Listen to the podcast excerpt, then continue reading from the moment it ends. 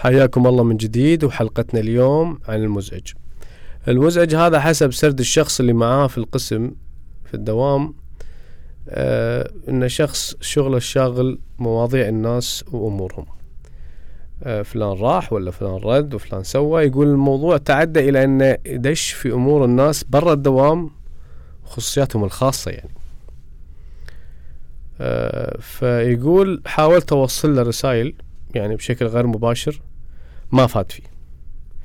انتقلت معاه إلى مرحلة إني أعطيه رسائل مباشرة يقول ما فات فيه. بعدين يقول كلمت المسؤول اللي فوقي إن هذا الإنسان ما يوقف كلام عن الناس. آه، بيني وبينه يقول ما ما حصلت تجاوب واضح مباشر يعني. يقول أنا صراحة متضايق من الموضوع. يقول لدرجة إني ما ودي أشوفه بالدوام بس مضطر إني أتعامل معه.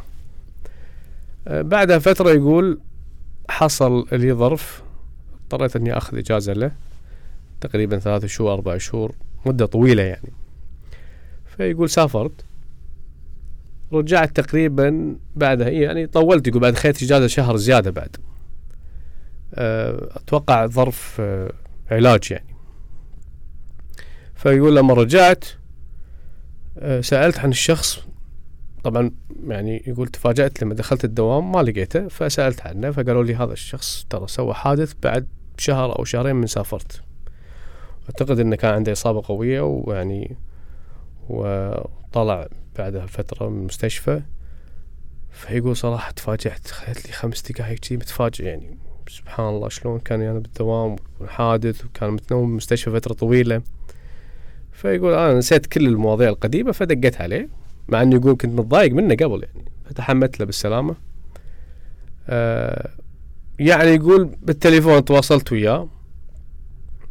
ف ما ما أدري صار عليه بعدين بس إنه إنه الشاهد في الموضوع إنه وهو فكر إنه ممكن يكون الموضوع هذا الحادث هذا له علاقة بأنه كان يسولف عن الناس و وسوالفهم أو أمورهم الشخصية في الدوام وبرا الدوام يقول قد يكون له علاقة يعني. ف يقول سبحان الله يعني الحياة لحظة يعني. ممكن الواحد يتصرف أو يسوي مواقف تضرب الناس أو تزعج الناس ممكن على أثرها يصير له شيء مو زين لا قدر الله. فكانت حلقة سريعة اليوم عن المزعج. حاولت إني أختصر فيها قدر المستطاع لأن أصلا كانت السالفة طويلة بس حاولت أعطيكم آه، سرد سريع يعني عن القصة. وإن شاء الله نلاقيكم في حلقة جديدة الأسبوع الجاي ومع السلامة.